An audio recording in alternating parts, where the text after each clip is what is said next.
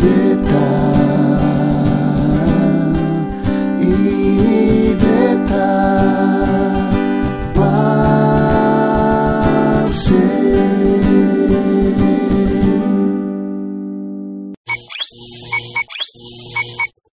Saudara semua yang terkasih di dalam Tuhan Yesus Kristus, kita selalu bersyukur kepada Tuhan karena anugerah dan pertolongannya yang tidak habis-habisnya dalam kehidupan. Hidup yang saudara dan saya jalani setiap hari penuh dengan berbagai-bagai liku-liku, liku-liku kehidupan yang kadang kita bisa mengatasinya, kadang kita tidak bisa mengatasinya. Kadang kita terpuruk, kadang kita uh, bisa berhasil dengan apa yang kita kerjakan.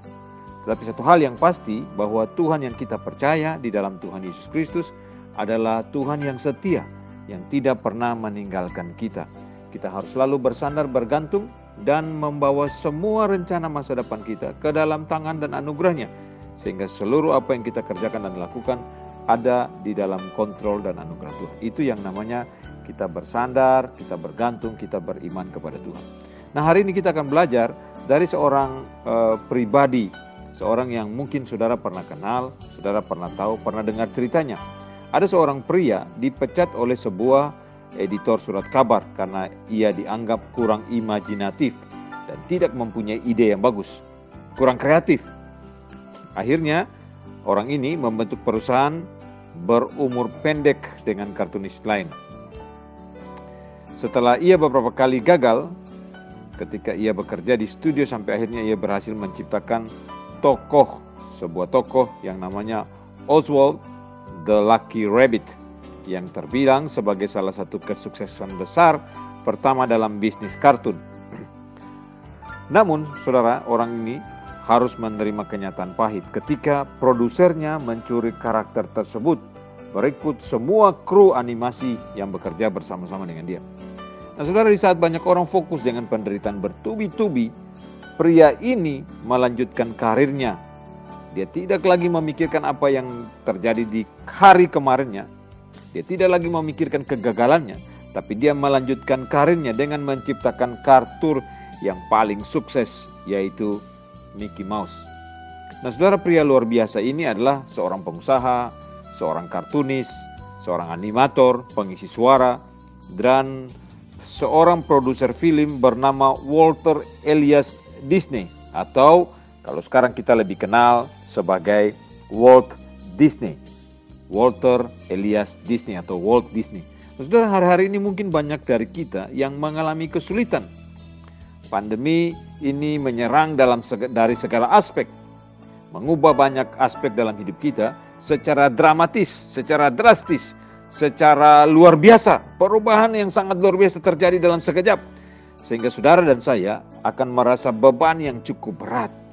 Kita tertekan, kita mengalami depresi, kita kehilangan segala sesuatu.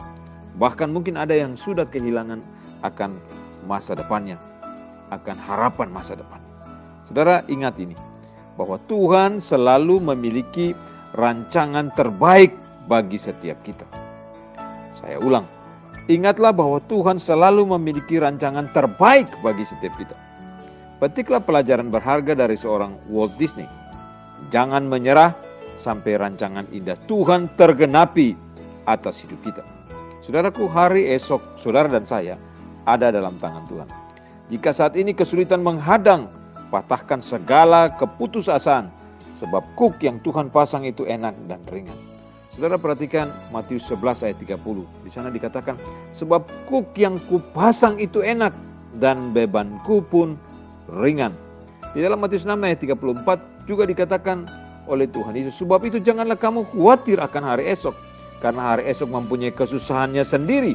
Kesusahan sehari cukuplah untuk sehari. Dalam 1 Tesalonika 5 ayat 18 Paulus berkata, mengucap syukurlah dalam segala hal, sebab itulah yang dikehendaki Allah di dalam Kristus Yesus bagi kamu. Saudara, ketika kita memulai hari-hari hidup kita setiap hari, kita harus memulai hari-hari hidup kita dengan pikiran yang optimis. Dengan ucapan syukur atas segala keadaan kita sekarang ini. Sepanjang hari tetaplah berusaha dan bekerja sebaik mungkin. Sembari kalau saudara punya berkat, kalau kita merasakan punya kelebihan, Bagikanlah berkat yang ada pada kita itu. Bagikanlah apa yang lebih pada kita itu. Supaya kita juga bisa menjadi berkat bagi orang-orang yang ada di sekitar kita. Saudara merasa kurang, ada orang lebih kurang dari saudara. Saudara merasa susah, ada orang yang lebih susah dari saudara. Saudara merasa menderita, ada orang yang lebih menderita dari saudara. Saudara peganglah kebenaran firman Tuhan. Sebab firman Tuhan itu adalah ya dan amin.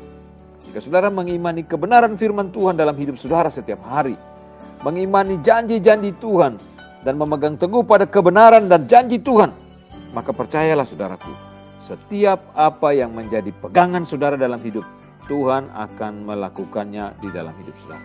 Tuhan akan mengerjakan apa yang Tuhan harus kerjakan, Tuhan kerjakan, Tuhan bisa kerjakan di dalam kehidupan kita. Tuhan punya rencana atas hidup kita masing-masing. Kita saja yang kadang-kadang tidak bisa atau belum bisa melihat rancangan Tuhan atas segala sesuatu yang terjadi dengan kehidupan kita. Satu hal yang pasti adalah tetap bersandar, tetap bersandar, tetap bersandar kepada Tuhan. Jangan khawatir dan mengucap syukurlah senantiasa dalam segala. Terpujilah Tuhan dari kekal sampai kekal.